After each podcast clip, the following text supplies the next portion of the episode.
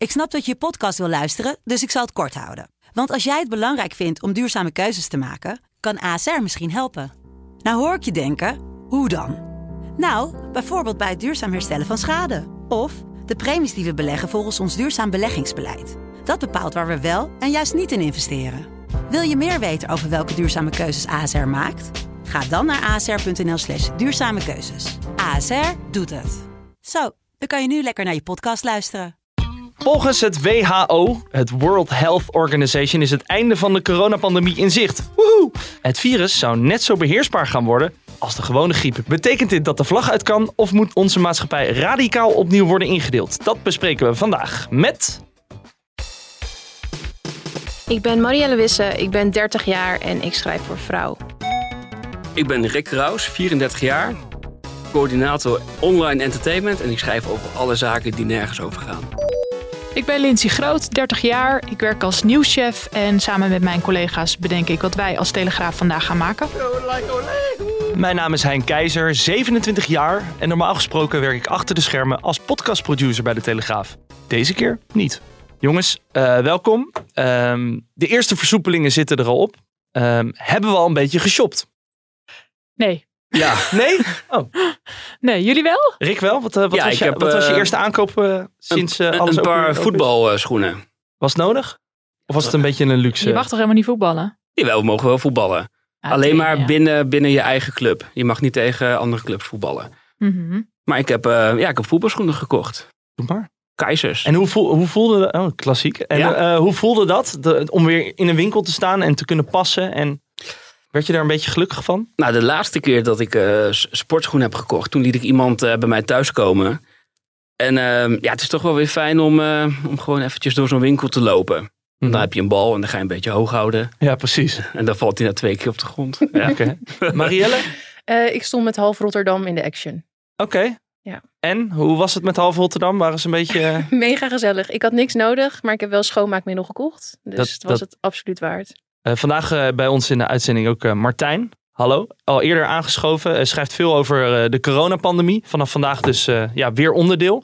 Hey, wat, wat zegt dat WHO nou precies? Want ik weet niet helemaal wat de World Health Organization nou precies is. Wat, is het voor organisatie? Ja, dat is de Wereldgezondheidsorganisatie van de Verenigde Naties. Um, ja, die doen eigenlijk gewoon vaak in deze crisis uitspraken over van, nou ja, hoe staan we er een beetje voor? Hoe moeten we naar deze situatie kijken? Um, nou ja, en, en, nu zeggen ze dus eigenlijk, hè, zegt een, een region, regionaal directeur voor Europa, die uh, Hans mm -hmm. Ploeger heet hij.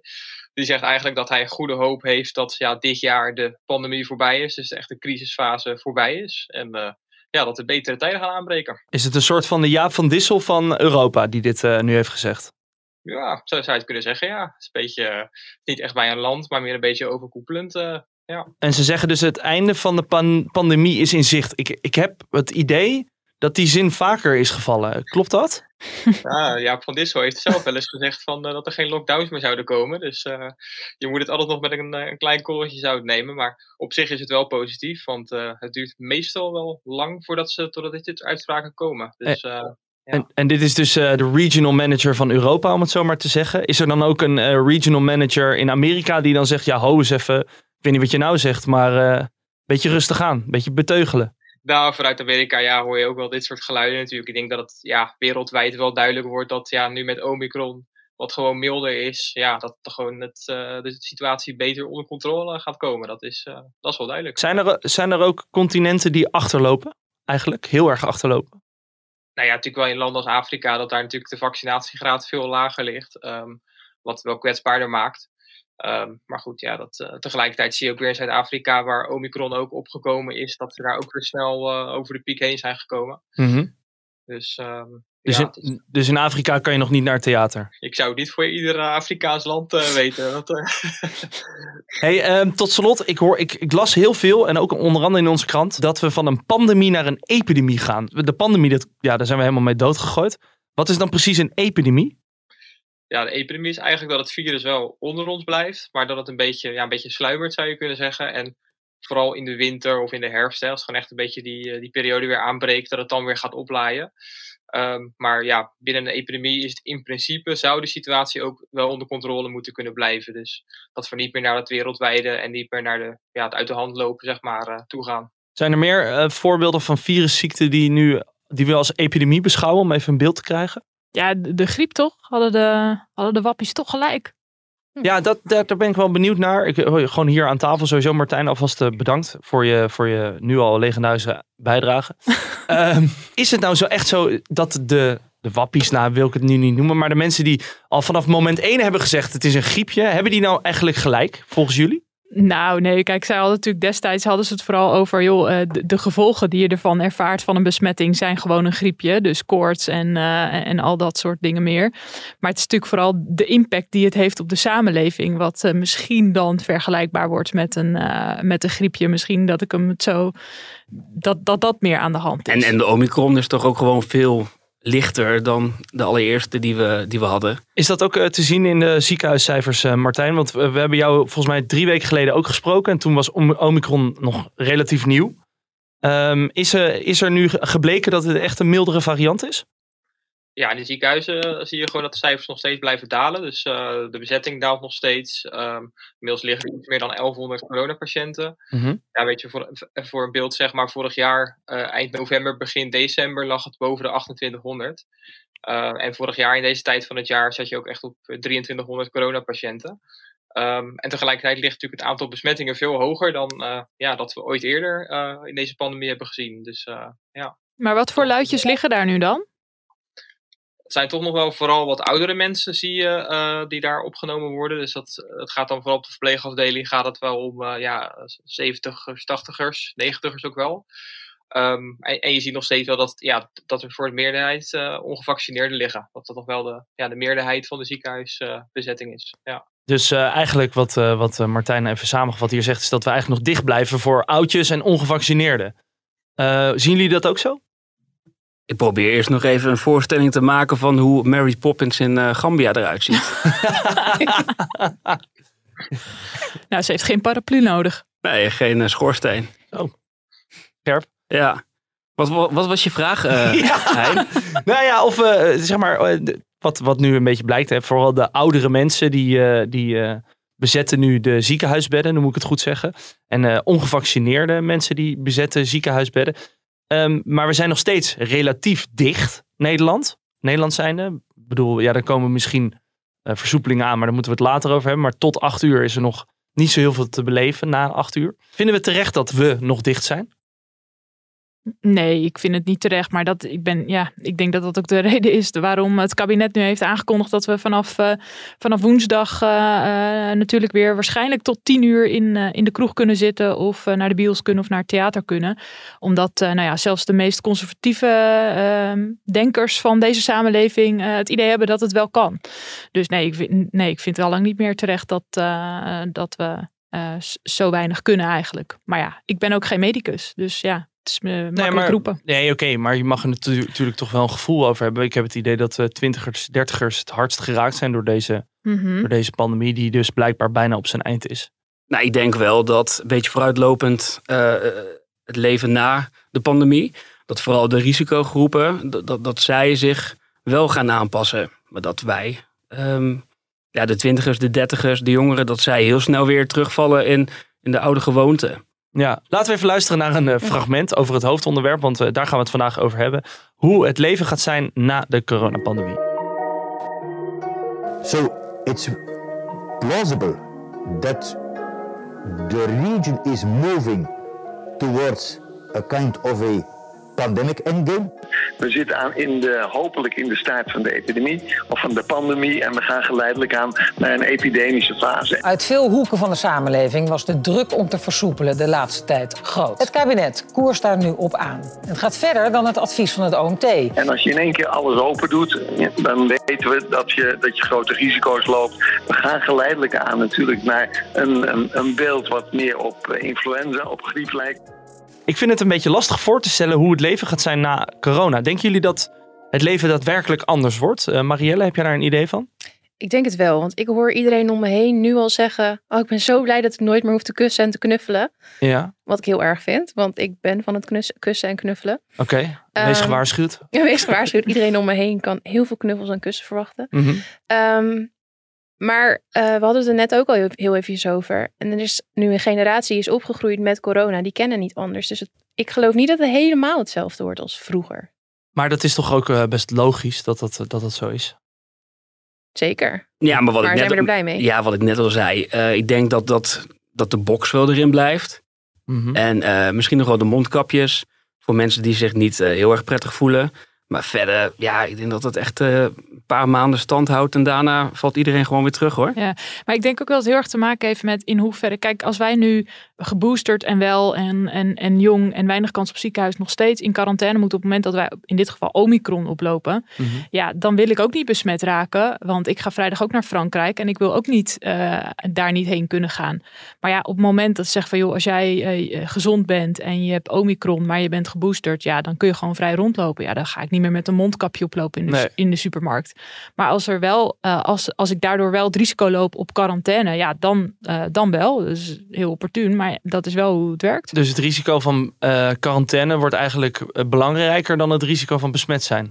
Nou, dat is het voor mij al maanden. Ja. Al maanden ben ik eh, vooral bang om in quarantaine te moeten. Is dat niet egoïstisch?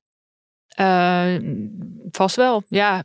Tot Vind je dat egoïstisch, laat ik het zo zeggen? Nou, niet. Nee, ik, vind- ik vind het niet echt egoïstisch. Waarom zou ik bang moeten zijn om besmet te raken?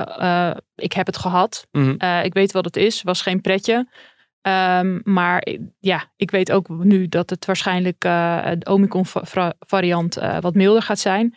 Ja, het risico op quarantaine is gewoon veel groter, omdat ik dagelijks met heel veel mensen in contact kom die mogelijk besmet kunnen zijn. Dus ja, ik vind het, ja, het gebrek aan vrijheid erger dan twee dagen een loopneus hebben. Ja, en dat ook niet alleen. hè. Het gevoel van de samenleving is ook natuurlijk een beetje. We hebben de afgelopen twee jaar al zoveel moeite moeten doen. Ja, het wordt ook wel weer tijd om daar soort van de vruchten van te plukken. Ja, ik vind dat gevoel in de samenleving, daar wil ik het eh, even met jullie ook nog over hebben. Ehm, ik had het laatst met iemand uit Zwitserland over. Eh, ja, het klinkt een beetje gek, maar Zwitsers die hebben een beetje een nou, afkeur van hun eigen regering soms. Hè. Die, die plaatsen zichzelf meestal een beetje boven, boven de regels. Het klinkt een beetje stereotyperend, maar waar ik naartoe wil gaan is dat wij Nederlanders twee jaar lang eigenlijk een beetje leidzaam zijn geweest onder het regime. En dan nu beginnen we een beetje te klagen van, oh, wat duurt het allemaal lang. En wat... We zijn eigenlijk niet opgestaan. Nou, Ja, er is wel een groep opgestaan, maar die werd meteen geclassificeerd als wappies of als gekkies. Ja, maar we hebben echt eh, twee jaar lang eh, protest na demonstratie, naar boze horecabaas. Na... Nee, volgens mij zijn we helemaal niet leidzaam geweest. Alleen het heeft gewoon, ja, er is gelukkig geen burgeroorlog ontstaan. Ja, maar, Eh, maar hadden wij jongeren niet, wij zijn relatief jong, hadden wij niet veel hardere vuist moeten maken tegenover, ja, tegenover de, de regels? Nou, ik denk dat jongeren dat wel gedaan hebben. Alleen niet door met een bordje op, op de dam te gaan staan. Zij eh, hebben gewoon een vuist gevormd door illegale feesten te gaan organiseren. Eh, eh, dat is echt aan de lopende band gebeurd als ik kijk op, op social media. Zo is er natuurlijk een vuist gevormd. En niet omdat ze met z'n allen boos gaan staan zijn op het Museumplein. Die pakken het veel praktischer aan. Maar ook zoals de sportscholen die bijvoorbeeld nou, tot, tot voor kort dicht zijn geweest. En het sporten sowieso. Het sporten wat heel belangrijk is voor onze leeftijdscategorie heb ik zo het idee. Ik vond het eigenlijk best wel meevallen wat, wat, wat- hoe wij onze stem hebben laten horen. Je bedoelt dat de sportscholen met z'n allen hadden kunnen zeggen van... hé, hier doen we niet aan mee, we gaan Ja, maar ook gewoon onze generatie. Ik heb onze generatie heel weinig gezien. Ik heb vooral de uiterste in de maatschappij Ja. heel veel gezien. Mhm. Maar wij kwamen wel aan het woord, maar we maakten geen vuist. We zijn gewoon rustig doorgegaan met, met werken en met eh thuiszitten, et cetera. Nou, je kunt ook zeggen, we hebben behoorlijk onze verantwoordelijkheid genomen. Toch? Ja. En ik denk juist, nu we zien dat er weer eh, vooruitzicht is, dat, eh, ja, dat we dan wel weer langzaam gaan, gaan zeuren en zeiken. Maar Mhm. dat we wel gewoon hebben gedaan wat er van ons werd verwacht. En dat we daarna gewoon weer, ja, gewoon verder willen met leven. Kan het nog tegenvallen? Eh, al- alles staat nu op het punt van weer, eh, van weer opengaan. Nee, ik denk het niet. Echt iedereen is toch ontzettend blij dat ze weer de kroeg in mogen. Ja, ook al is het tot tien uur straks. Ehm, ja, nee, ik denk vooral euf- de euforie van, eh, van weer de horeca in mogen. Ja. Dat dat vooral heel erg gaat heersen. Maar dat moet ook niet te lang gaan duren, hè, dat, dat we dit tot tien uur hebben. Want dan gaan we weer met z'n allen opstaan en dan eh, is Nederland in één keer weer te klein. Ik ben wel een beetje bang dat inderdaad als we nu tot, tot tien uur weer naar de kroeg en zo mogen... dat ik daar dan net weer aan gewend ben en dat er dan weer een lockdown komt. En dat dan, ja, daar ben ik best wel bang voor. Maar ik heb juist het gevoel dat voor het eerst echt sinds eh, twee jaar... dat, dat er nu eindelijk wel eh, ja, dat, dat, dat, dat er nu wel echt hoop is dat, dat het goed gaat komen. En dat gevoel heb ik ook wel heel veel bij andere mensen die ik spreek hierover. Lindsay, deel je dit gevoel? Ja, ik heb dat ook wel. Uh, zeker omdat uh, we eigenlijk in, die, uh, in de persco toen alles weer op slot ging. Dat was ergens begin december, geloof ik. Toen hoorde je Rutte ook zeggen, ja, wij gaan gewoon nu heel hard werken aan een langetermijnvisie. Nou, dat was een woord wat ik eerder nog nooit had gehoord uit Den Haag. Uh, die zou er eind januari moeten liggen, dat plan. Dus het is voor het eerst dat er een soort van lockdown wordt beëindigd waarin er een langetermijnvisie eh, ging komen. Plus dat ook nog eens de variant heel erg mee lijkt te vallen. Dus uh, volgens mij ja, moeten met de plannen die dan gemaakt zouden moeten zijn door, door het kabinet, moet je voorkomen dat het in één keer weer zo willekeurig alles weer dicht en alles weer open en dan weer tot acht uur, dan weer tot tien uur Mhm. Volgens mij hebben we, kunnen we, zou het best wel eens goed kunnen zijn dat we dat nu wel hebben gehad. Denk je dat uh, ook, uh, Martijn, als je dit zo aanhoort? Ik denk, denk, het ook wel, ja. Ik heb ook wel echt veel vertrouwen in dat het uh, nu veel beter gaat worden. En ja, weet je, je komt ook gewoon nu bij de discussie, denk ik, die er ook zeker richting de komende winter natuurlijk weer zal, zal oplaaien. Van, is het inderdaad niet gewoon vergelijkbaar met griep? Weet je, bij griep accepteren we ook dat er soms honderden, soms wel duizenden mensen aan kunnen overlijden. Ja, als corona zo doorgaat, kom je zeg maar ook een beetje in die categorie nu, denk ik. Mhm. En uh, ja, volgens mij kun je dat, denk ik, kan je dat dan als kabinet ook niet meer maken om hele strenge maatregelen in te stellen. Jij zit uh, met één uh, vinger in de pap, om het zo maar even te zeggen, in de, in de wereld van de medici en in de wereld van de virologen. Hoe kijken zij ernaar? Zijn zij, zijn zij al bereid om het echt een, een griepvirus te noemen?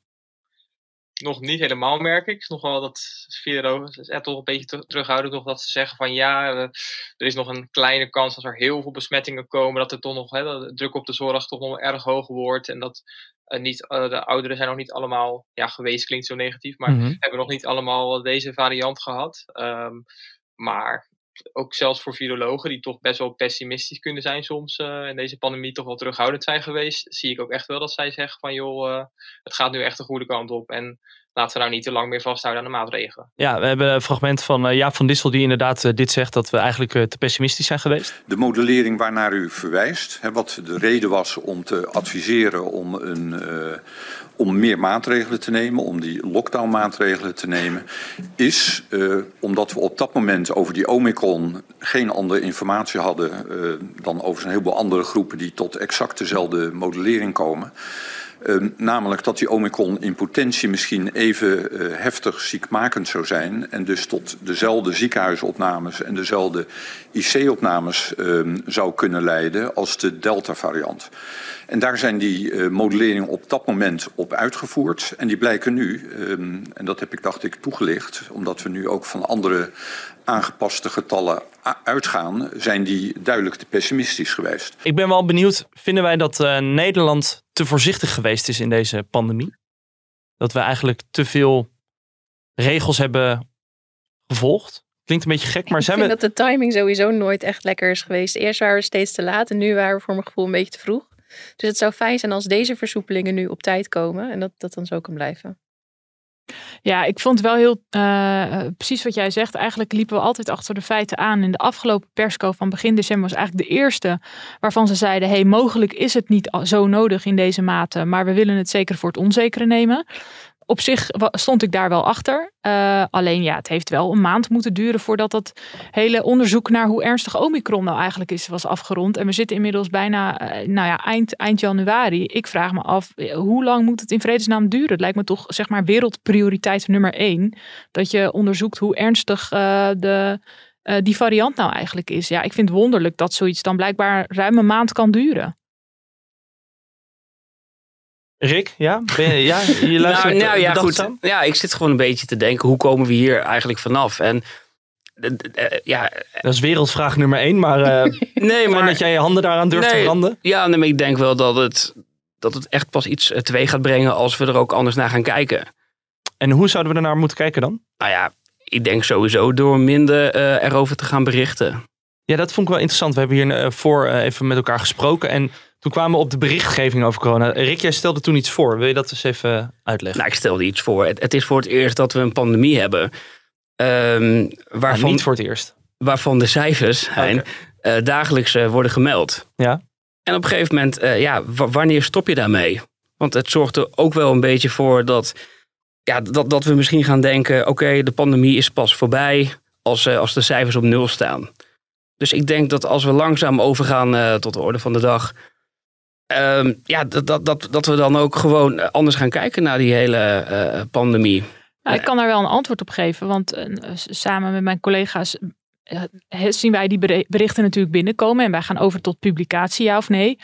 En op het moment dat vorig jaar dat uh, de besmettingscijfers erg laag waren en het uh, ook toch geen invloed had op de maatregelen die op dat moment golden, die heel beperkt waren op dat moment, zijn wij gestopt met berichten omdat het gewoon niet relevant was. We zijn zelfs, we hebben uh, twee jaar lang een live blog gehad, daar zijn we toen ook tijdelijk mee gestopt, omdat er gewoon niks te melden viel. Uh, maar op het moment dat die besmettingen weer gingen oplopen en er weer werd gesproken over versoepelingen, toen werd het weer relevant om die cijfers te gaan melden. Uh, maar ook daar hebben we een hele bewuste keuze gemaakt. In het begin waren die besmettingscijfers natuurlijk heel heftig en dat was echt nieuws. Maar tegenwoordig melden we, of melden we de besmettingscijfers zeker. Maar we pushen bijvoorbeeld pas berichten op het moment dat de ziekenhuiscijfers er ook in zitten. Omdat we vinden dat dan het hele plaatje pas compleet is. Er werd in het begin natuurlijk geschetst van ja, op het moment dat je hè, gevaccineerd bent, dan loop je geen risico meer om besmet te raken. Nou, dat bleek al snel niet te kloppen. Um, maar daarom is het des te belangrijker om ook een compleet beeld te schetsen naar de lezer toe. Van oké, ja, er zijn zoveel besmettingen. Maar uh, daarvan zijn zoveel mensen opgenomen. En dat is wel, denk ik, ja, uh, weet je, de berichtgeving verergert het virus niet. Die cijfers zijn er gewoon. Nee, maar het doet wel iets aan de beeldvorming natuurlijk in de maatschappij. En politici helemaal, die grijpen maar al te graag die cijfers aan. Om zeg maar hun, hun, hun standpunt uh, ja, kracht bij te zetten. Ja, maar weet je, we hebben uh, mensen als, als Martijn uh, uh, bij ons, die aan de hand van die cijfers nou wat reacties gaan halen van, hé hey joh, hoe moeten we deze cijfers nou, nou eigenlijk zien? En daarom zijn dat soort, zijn dat soort verslaggevers als Martijn belangrijk, om, zodat we kunnen inschatten hoe we die cijfers nou moeten lezen. Ja. En, ja, context en duiding is gewoon heel belangrijk. Want veel mensen lezen ook gewoon echt alleen maar, oké, okay, een record aantal mensen besmet. Ja, en dat gaat ook wel weer, uh, dat doet ook iets met de samenleving natuurlijk. Mijn opa en oma die zitten hele dagen voor de tv, omdat ze niet goed ter been zijn meer. Uh, maar die zien dus iedere dag inderdaad die cijfers. En dat, daar worden ze wel bang van. Terwijl in principe gaat het allemaal een stuk beter. Ja, breng echt maar een week lang uh, alleen maar um, ja, dat, dat, dat zeg maar het aantal ziekenhuisopnamen aan dalen zijn. En je merkt er gewoon dat, dat, dat de maatschappij, de samenleving, ja, dat, dat het echt gaat veranderen. Ja. Um, Lindsay, jij zit hier een beetje als uh, toch een, uh, ja, iemand die, die veel te maken krijgt met het nieuws, vind ik. Mm -hmm. Iemand die een beetje een soort gateway, wilde ik bijna zeggen, van wat relevant is en wat niet relevant ja. wordt gevonden door onze kant. Um, maar dan lees ik toch elke, de hele, de hele week eigenlijk al van ja, uh, gigantisch veel tests. Gigantisch veel positieve tests. Mm -hmm. um, wanneer zou je dan tot een punt komen, stel die, dat blijft aan, maar die ziekenhuisbedden zouden dalen. Zou dat dan een punt zijn van we gaan het dat niet meer melden, het aantal positieve tests, maar... Nou, ik, ik ben heel benieuwd, waar, waar, waar zit de crux een beetje? Nou, wat, wat eerder de crux is geweest, is dat wij zijn uh, gaan stoppen, of in ieder geval uh, het uh, misschien wel melden, maar niet zo in your face als dat we dat nu doen, Mhm. mm -hmm. op een moment dat het toch niet zoveel invloed heeft op jou als lezer. Um, en dat is wat er nu natuurlijk nog wel aan de hand is, want we zitten gewoon in maatregelen die zijn aangekondigd vanwege een nieuwe variant. Oh, wat heftig. We zitten in een lockdown, er was geen fuck open en die besmettingen gingen door het dak. Dus die waren super relevant. Um, maar daarbij waren de ziekenhuiscijfers natuurlijk ook relevant, want dan zie je wat het daadwerkelijk uh, doet qua gezondheidsschade. Uh, dus ik denk dat wij stoppen, of in ieder geval uh, reduceren, de, de berichtgeving reduceren over besmettingen en ziekenhuiscijfers op het moment dat ze toch geen invloed hebben op eventuele maatregelen. Ja, weet je hoe slecht uh, nieuws dit is voor Martijn? Dan krijgt krijg Martijn zoveel vrije tijd. Daar ja. wordt hij helemaal angstig van. Heb je je vakantie al geboekt? Ik uh, heb over een paar weken vakantie. Ja, dus dan, kijk, uh, ja, ja, ja. vakkundig gepland. Ik denk over een paar weken dan uh, zijn we van de meeste maatregelen af. Ja. Nou, Kijk eens, dit zijn teksten. Dit zijn, dit zijn uh, de breaking news hoor ik al. we gaan even naar een uh, probleem wat alleen maar in de eerste wereld plaatsvindt. Namelijk een first world problem. First world problems. Marielle, vertel. Ik ben er een beetje klaar mee dat mij steeds om mijn ID wordt gevraagd. Uh, terwijl ik inmiddels 30 ben, maar blijkbaar een eeuwige babyface heb. Vooral mm -hmm. zonder make-up. Het is al zo vaak voorgekomen dat ik naar de winkel ga om wijn. Niet, ik ben geen alcoholist of zo. ik heb het gegoogeld, ik val er niet onder. Um, maar ik ben al een paar keer zonder wijn naar huis gegaan en daar ben ik een beetje klaar mee. Het is hier heel stil, eh, omdat Lindsay en Rick allebei, heb ik het idee, hier eh, geen ervaring mee hebben. Nou, ik wil dit leed een klein nou, ik beetje wel. verzachten. Maar waar hou je die informatie vandaan, Hein? Eh, Echt wekelijks. mijn eigen optiek. Ja, ja. Wanneer ben jij voor het laatst om je idee gevraagd, Rick? Ik denk eh, een week of twee geleden. Toen je... Toen ik eh, bij een supermarkt of in een supermarkt was en eh, alcohol kocht. Lindsay? Hoe voelde dat? Ja, dit is dus Ja, heel goed. erg zet. Maar ik heb, ik, heb dit, naar mijn, ik heb dit volgens mij nog nooit meegemaakt. En ik denk dat ik begon met op mijn vijftiende stappen en, in Amsterdam. En er is nog nooit iemand geweest die bij een discotheek of wat dan ook vroeg hoe oud ik eigenlijk was. Dus blijkbaar heb ik een hele oude kop. Eh, maar het is mij nog nooit overkomen.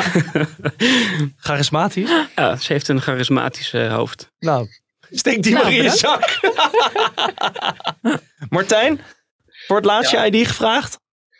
Nou, nu niet meer, maar het heeft mij ook heel lang geduurd voordat ik eh, gewoon eh, wat kon halen zonder dat het gevraagd werd. Ik, eh, ik zie er ook best wel jong uit. Maar ik denk nu, nou, ik denk wel 1, 2 jaar al niet meer. Hoe, hoe oud ben jij? Ik ben eh 26. Ja, zie je. Ja. Eh, Marielle, weet je wat eh, altijd heel goed werkt? Eh, een, een snor laten staan. Oh, dan zal ik mijn scheermetjes laten liggen. ja, dan weten mensen meteen dat je... Doet het altijd goed. ja, bij vrouwen werkt dat echt heel goed. Ja. Ehm, nog even tot slot, jongens, eh, over eh, de coronapandemie. We, zien overal dat we een beetje moeten leren, leven met, de, met het virus. Eh, het kabinet vraagt dat ook van, van ons. Hè? Wij gaan, op een gegeven moment gaat het kabinet zijn handen ervan afhouden. Dan moeten we het zelf doen. Wat vinden we daarvan?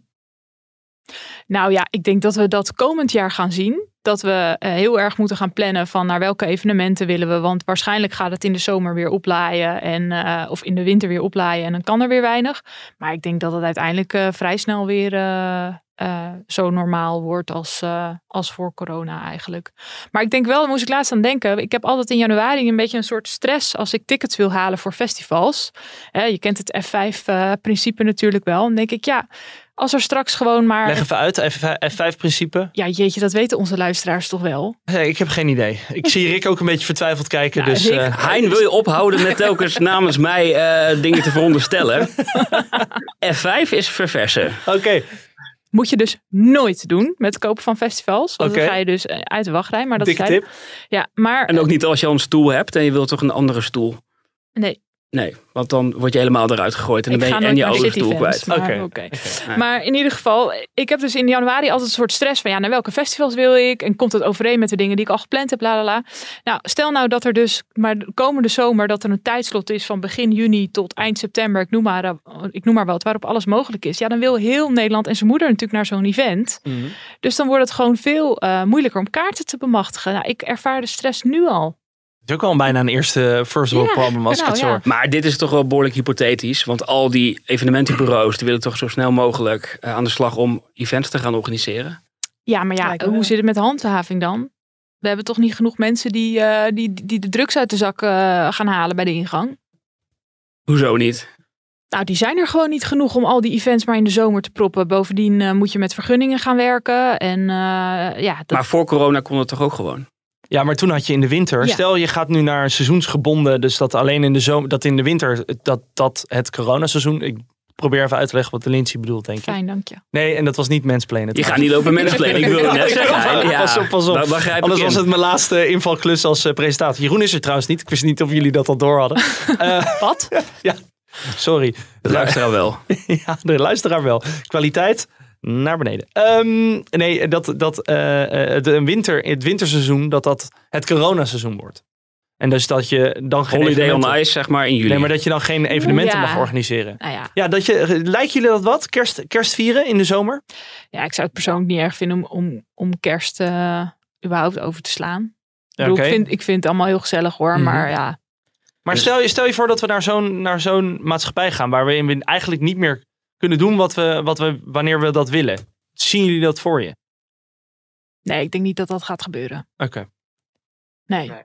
En andere- ja. Nee, ik, ik zie dit ook niet gebeuren eigenlijk hoor. Als dit, eh, ik denk echt gewoon dat, dat je gewoon, eh, dat ja, met, net met griep gaat worden. Dat je gewoon, uh, dat, dat gewoon de vraag gesteld gaat worden van ja, weet je, uh, gaan we nu voor, hè, voor mensen die daar overlijden, ga je daar nog maatregelen voor nemen, weet je. Ik bedoel, ik denk gewoon dat die kwetsbaren, dat die dan een prik gaan krijgen. En ja, dat je misschien, misschien het advies doet van joh, probeer niet te veel, probeer niet in mega grote groepen bij elkaar te komen of zo. Maar ja, ik denk niet echt dat daar hele strikte maatregelen meer op gaan staan hoor. Nee, we moeten als maatschappij gewoon zo snel mogelijk corona als, uh, ja, gewoon als griep zien. Ja, en misschien dat je dan gewoon de inhoud dat als je met kerst, hè, als het een soort van periode is waarin gevaar op de loer ligt, dat je gewoon een zelftest doet voordat je je ouders ziet. Ja, sowieso eh, verantwoordelijkheid nemen, toch? Nog meer.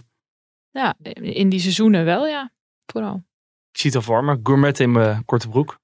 Nou, gourmetten kan altijd. En aan de andere kant, wijze worden. De, de afgelopen twee jaar uh, zijn er toch zoveel gekke dingen gebeurd dat, dat we daar ook niet meer van opkijken. Nee, nee, dat is ook, ja, ja dat klopt. Ik weet dat jij veel waarde hecht zeg maar, aan kerst en zo. Maar... ja, nee, zeker. Ja, Ik vind dat altijd wel de decembermaand. Als ik de, dat is toch de leukste maand van het jaar. De juli maand bedoel je? Ja, dat wordt dus nu de juli maand. Nou, bij deze. Vind jij gezellig, hè? Ja. Holiday on Ice in Afrika. Ik, uh, ja, kijk nou. Het, Mary Poppins in Gambia. Ja, Mary Poppins in Gambia. Ik ben razend benieuwd. Koop je kaarten nu. Ja, koop je kaarten nu. Goed jongens, uh, hartstikke bedankt voor jullie komst. En uh, bedankt voor het luisteren. En tot de volgende. Hoi.